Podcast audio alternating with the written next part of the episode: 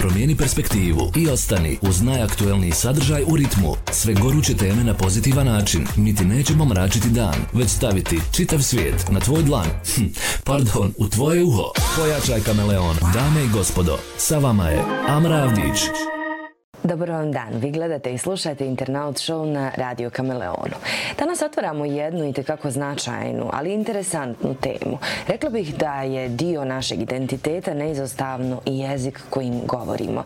Međutim, on je podložan različitim promjenama kroz vrijeme i ja nisam mogla imati bolju sagovornicu od osobe koja ne samo da taj jezik dobro poznaje, izučava i prenosi novim generacijama, nego ga živi i razumije njegovu suštinu. Danas sa nama profesorica Jasna Jasna Hadži Selimović, magistrica i još mnogo, mnogo toga što bismo dodali njenim titulama, jako poznata u kulturnim krugovima kada govorimo o baštini Bosne i Hercegovine. Zato je moje zadovoljstvo još i veće što, se, što ste danas tu sa nama. Hvala lijepo, evo zaista mi je zadovoljstvo doći na Kameleon. E, posebno Amra s tobom neću te persirati jer te gledam dijelom moje porodice i tvog Amira, inače Zlatka našeg i Kamaleon. I zaista evo mogu svjedočiti da ste jedan lagani, ali vrlo korisni fini dio naše javnosti sa svim ovim pikanterijama koje imate i samim tim vidi se pa je ova internaut show je u stvari jedna novina koja zaista osvježava našu kulturnu i našu medijsku javnost, ali Boga mi čini vas posebnim jer vidi se koliko radite na sebi. I hvala vam što to primetite kada kompliment dođe od vas, onda i tekako znači i daje neka krila koja su svima svema na vrijeme potrebna. E, evo, neke sam u uvodu naglasila o čemu ćemo razgovarati, ali mislim da radi svih ljudi koji nas gledaju i slušaju, trebamo krenuti nekim redom, pa razgovarati recimo o, to jeste krenuti od samog historijata bosanskog jezika kojeg mi danas govorimo kroz faze. E, kako je, ajde, bilo bi nekako vrlo nezahvalno da kažem kako je krenuo, ali voljela bih da se upoznamo s tim, jer nemamo baš često priliku da kažemo da jako dobro poznajemo svoj jezik i njegove početke, e, nastanke, pa dalje u vrijeme. Ono kaže, uvijek kaže, lociraj, definiraj kad krenemo o nečemu pričati. Pa evo ja ću probati da ne bude školski čas, ali da bude jako razumljivo za svu našu slušalačku i gledalačku publiku. Naime, jezik je sredstvo komuniciranja ljudi. Na svijetu postoji zvaničnih 3000 jezika. Ja vjerujem da u samoj Africi vjerovatno postoji negdje 4500 jezika zasebnih u, u, u šumama jeli, koje nisu istražene. Još uvijek je velika magla na toj vrsti jezika. Ali evo vratit ćemo se zvaničnim jezicima. Njih je oko 3000. Oni su podijeljeni u 12 porodica, a naša porodica gdje pripada bosanski jezik je indoevropska porodica koja je najviše istraživana i koja se aktivno govori na pet kontinenta. Kad je u pitanju naš bosanski jezik, njega ne možemo ne vezati sa e, e, e, kad je u pitanju, znači ne možemo ga ne vezati sa geopolitikom. Znači, kad je Bosna imenovana kao prva geopolitička celina kao država Bosna, otprilike, ili ne, nije otprilike u 11. stoljeću, mi imamo naš bosanski jezik. E, naravno, kad nemamo historijske dokaze, ne možemo razgovarati o autentičnosti i historičnosti. Znači, samo to 11. stoljeće nam donosi prvi natpis na crkvi u Kijevcima kod predora, gdje zaista autentično, historično svjedočimo o bosanskom jeziku na tom natpisu u 11. stoljeću. Odmah nakon toga, u 12. stoljeću, imamo dva eh, na eh, eh, dva odlomka, to je Grškovićev odlomak i Mihanovićev odlomak, napisan na poloobloj glagoljici, znači napisan i na našem pismu, tako da ti podaci svjedoče da Bosna je geopolitički država koja ima svoj jezik i svoje pismo. E, naravno u, u zaslužno, zaslugu za tu vrstu evo, e, vraćanja u, u historijat jeli, našeg bosanskog jezika ima Hrvoje Vukčić Hrvatilić, tako da je to otprilike jeli, period kada se jeli, on kao naš jeli, suveren spominje kao jeli, suveren Bosne. Pa ćemo dalje, naravno, nasloniti se na Kulina Bana koji je mundijalno ili globalno bitan bosanski spomenik. Naime, spomenuli smo evo, prvu fazu, a nisam ni rekla da je to prva faza. Znači, prva faza zvaničnog bosanskog jezika je od 11. do 15. stoljeća i zove se faza srednjovjekovne Bosne koja sa sobom nosi jeli, e, povelju? Kulina Bana, koja je povelja naše države i svi koji na neki način zlurado ili na ovako ili onako žele osporiti Bosnu, mi se moramo ponositi poveljom Kulnabana. Znači u jednoj političkoj, historijskoj vedrometini mi smo imali svog Bana, mi smo imali svoju državničku korespondenciju, imali smo dijake, ljude koji su pisali te povelje i mi smo država jedna od starijih i stabilnih država na našem balkanskom tlu. Druga faza je faza turskog doba koja je trajala od 1463. do 1878. godine. Tada narodni jezik dobiva naziv bosanski i ta faza je vrlo zanimljiva jer se dijeli negdje na tri dijela. Znači, prvi dio je orientalni. Naša bogata djeca, naši bogati sinovi su išli studirati u Perziju, u Istanbul, na Al-Azhar i donijeli su nam utjecaje Rumija, Hajama, Širazija i pisali su na orientalnim jezicima, ali zna se da su bili božnjačkog porijekla. I jako bitna faza je faza Alhamijado književnosti. A šta je u stvari Alhamijado književnost? Riječ Al-Ađamije je strana riječ. Znači, govori strani, ne naš. I u stvari ljudi su uzeli arabicu, arapska slova, evo poput nuna n, i riječ koja počinje sa n, na primjer nasihat, savjet, su krenuli pisati na arabici. Tako da mi imamo 1631. godine Makbulija Arif ili Potur Šahidija, prvi bosansko-turski riječnik naših tuzlaka, čovjeka iz Dobrine Muhameda Hevaja iz Kufija, uz Kufija. Vrlo zanimljiva faza koja je dala eh, Abdul Behaba Ilhamiju, Siriju, Fejzu Softu, uz Kufija. Tako da je ta Alhamijado književnost jedinstvena i Bosna se proslavila po toj književnosti. Potom imamo imamo treću fazu, to je austro-ugarska faza, koja je bila vrlo značajna jer se negdje oslobodila Arabici i arapskog utjecaja i da sad ne duljim priču, otićemo previše. Evo, e, tu se u toj fazi naša Hasanaginca proslavila romantizmu u svijetu.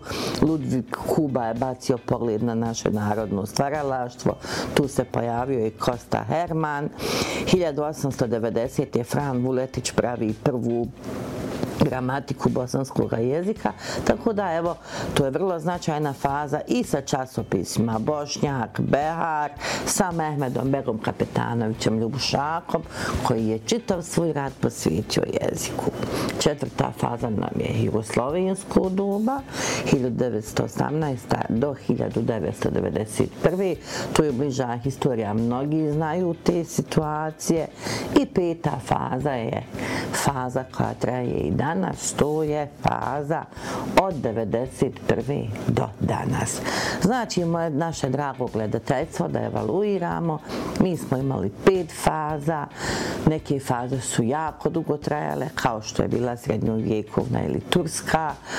Austro-Ugarska gdje smo ušli u svijet pa smo dobro valjali Geteu sa našom Hasanagincom. Pa možemo reći da je jedna od odlika romantizma u stvari usmena ili narodna književnost, vjerujte mi da je to dijelom zbog naše usmene književnosti koju su tamo donijeli ovaj, u Evropu, Gete, u braći Grim, naši ljudi, tako da smo na velika vrata ušli u svjetsku kulturnu baštinu i u romantizam kao pravac. Kada ste spomenuli sve ove faze, ne mogu da se ne zapitam koja je možda ostavila najsnažniji pečat na jezik koji mi danas govorimo. Ali ne samo kada je u pitanju Bosna i Hercegovina, e, posmatram da li je to ta orientalna faza e, koja ima svoj uticaj, kako se makar meni lajčki čini, i na naše susjedne uh, zemlje. Apsolutno, apsolutno. Evo da vam kažem, ovaj, da bismo razgovarali o orientalnoj književnosti, imamo nekoliko elemenata koje ne možemo odbaciti. Prvi element je u stvari islam, koji je došao na tlu Na tlo Bosni. E, e, određeni ukazi Otomanske imperije koji su dozvolili postojanje svih vjera i postojanje svih religija. Evo, radi bosanskih franjevaca, jeli, mi smo dobili kulturu, e, e, e prve ili karuše su došle u Bosnu zahvaljujući bosanskim franjevcima. Znači, sva ta sloboda je stvorila jedne šarene, šarolike temelje da se sve kulture individualno grade i da rastu zajedno. Tako da ni jednu nacionalnu kulturu mi ne možemo e, zanemariti. Naravno, bošnjaška nacionalna kultura, bosanska nacionalna kultura nosi temelje na tim lijepim, e, e, e kontemplativnim, dubokunim stvarima, poput evo Rumija koji je donio i filozofiju i teozofiju kod nas, estetiku, širazija, hafiza.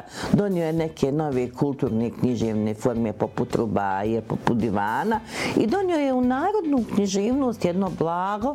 Evo sad se svi borimo, jedna grupa Tuzlaka, da se Vdalinka dođe na listu e, zaštićene nematerijalne kulturne baštne Bošnjaka kod UNESCO.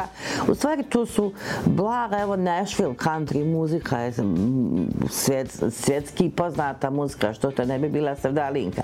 Tako da naši ljudi trebaju znati, znači doneseni su neki muzičko-poetski oblici poput kaside, poput ilahe, poput Sevdalinke koja je nešto što je jeli, naš reprezent u svjetskom redu kultura, poput Mevluda kojeg smo mi, evo Gaševića Mevlud, napravili Omera Pobrića Mevlud svojim, jeli, iako je Mevlud nešto što dolazi jeli, od, od, od, od, od, od od početka islamskog perioda, od poštovanja Muhameda alihi salama kao pečetnog poslanika. Znači, imamo te muzičke forme koje su vrlo zanimljive, pa evo, ako vam želite, uvijek kaže Ilahija i Kaside. Znači, Ilahija je nabožna, pobožna pjesma koja u sebi ima osnovu La ilaha ila A Kasida je pjesma nastala od riječi kast na arapskom, što znači namjera. Nismo imali ko sada, evo ovaj internal show, nego smo imali pjesmu autora i kaže ne valja pušiti. Pa imamo kasidu o tome da ne valja pušiti. Pa imamo kasidu o tome da nešto treba raditi. Znači kasida je kastile pjesma, nema puno veze s vjerom, čisto edukativna pjesma. Iako je bilo i kasida, pa je rekao Muhammed alaihi selam imru kajsu imru, ti kaže vodiš ljude na putu ka džehennem, jer dođe sad zločesti vladar i dadne hiljadu dirhima i kaže napiš pjesmu da sam najbolji čovjek. Tad su pjesnici bili iz u džahilijetu pozemno, pa poslije i korumpirani, pa napiše da je najbolji, ono vam pobi hiljadu ljudi. Znači, Znači, bilo i tih kastila ili namjernih pjesama. Ali kasida je pjesma s namjerom, ilahija je pobožna pjesma, mevlud je zvanična ritmička i, i, i poetska tvorevna koja slavi našeg pečatnog poslanika. Pa tu imamo i nat, imamo i druge vrste i naravno Srdalinka je naše čudo za koje se moramo boriti kao za državotvornost naše Bosne i državu i jezik, jer to je jedini put kojim ćemo se mi kao kulturna, kao etnija i kao jedno, jedno mnoštvo jezičko kulturnog blaga ovdje sačuvati sasvim sigurno.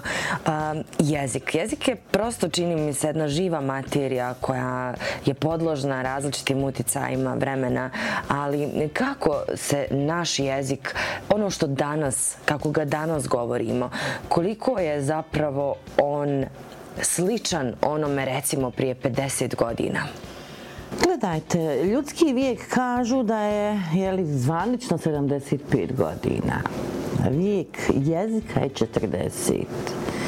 Evo, ja imam sad 60. Vjerujte mi da je jezik moga djetinstva bio je jako različit u odnosu na jezik kojim ćeš ti, ako Bog da sutra učiti svoje dijete. Ako ne budeš usvojila matrice da moraš učiti svoje dijete ovom jeziku kojim mi sada govorimo. E, gledaj, e, e, engleski jezik je, evo sad ću upotrebiti ovo što ne treba da se upotrebi. Znači šta je kao ono, ono must have, znači moraš ga znati.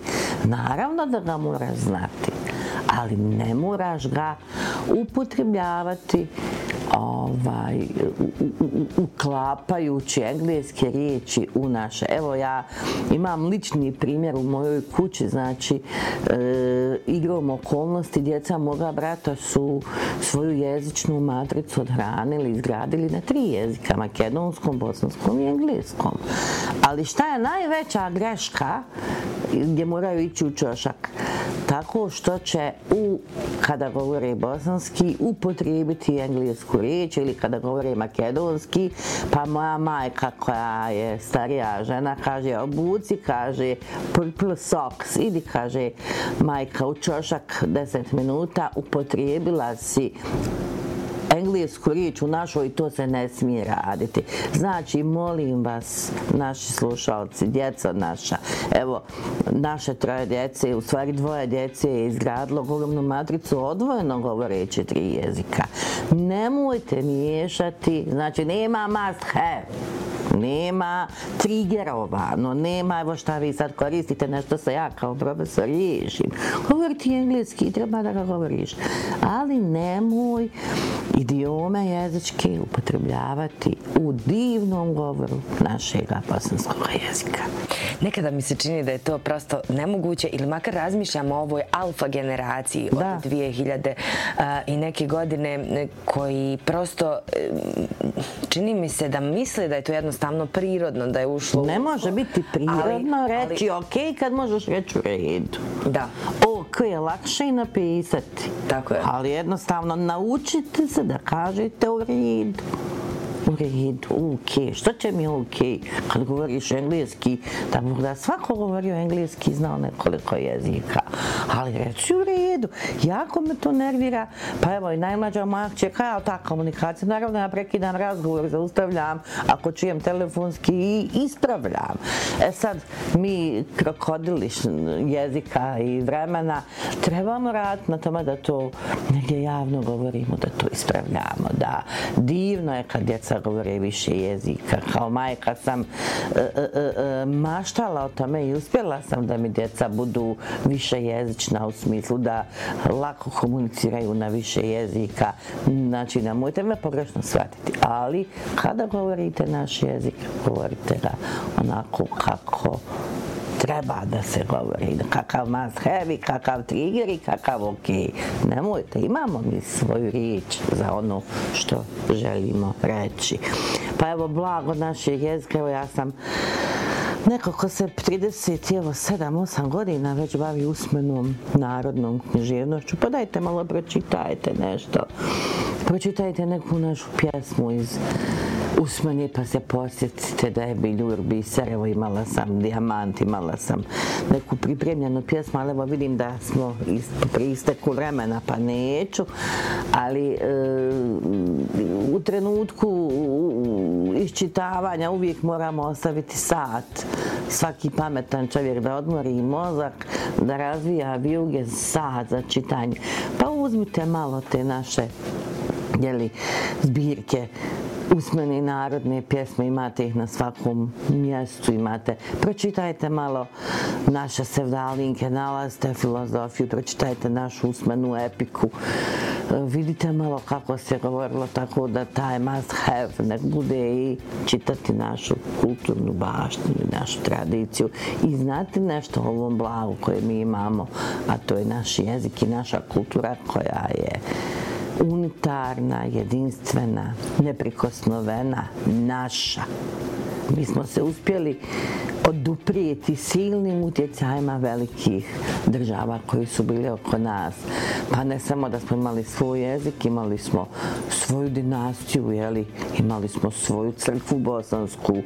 Pa što se sad ne bi oduprli kao ovako pametni i na izvoru svih informacija. Pa evo, s malu Slovenije je sačuvao jezik. Slovenija da nije imala svoj slovenski jezik ne bi opstala.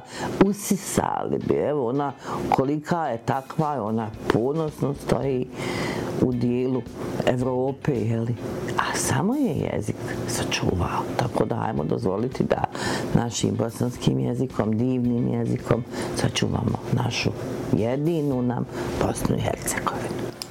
Odgovorili ste i na moje posljednje pitanje na najbolji mogući način. Hvala vam što ste bili moja gošća. Ova tema je prosto toliko široka da ovih nekih 20 minuta koliko imamo na raspolaganju nije dovoljno, ali tim više razlog da se ponovo susretnemo uskoro. Da, hvala vam, hvala vam. Znači, tu je, ovo bi danas bila moja poruka. Govorite strane jezike, govorite ih što više, ali čuvajte naš jezik, tako ćete sačuvati svoju djecu u državi Bosni i Hercegovini. Pozdrav Kameleonu, pozdrav gledalcima i do idućih susreta. Osajte mi zdravo. Hvala vam još jednom. Bila je to gospođa Hadži Selimović i nekako moram da priznam kada je govorila o upravo tim korištenjima stranih riječi pomislila sam pa i ja bih morala sigurno nekoliko puta u čošak. Podvuče se to, ali ne smijemo zaboraviti da korištenjem tih stranih riječi kao da odlamamo komadiće upravo našeg jezika i našeg identiteta. Pa hajmo mi pokušati ipak malo drugačije. Hvala vam što ste bili uz nas i ostanite uz Radio Leon. Promijeni perspektivu i ostani uz najaktuelniji sadržaj u ritmu. Sve goruće teme na pozitivan način. Mi ti nećemo mračiti dan, već staviti čitav svijet na tvoj dlan. Hm, pardon, u tvoje uho. Pojačaj kameleon. Dame i gospodo, sa vama je Amra Avdić.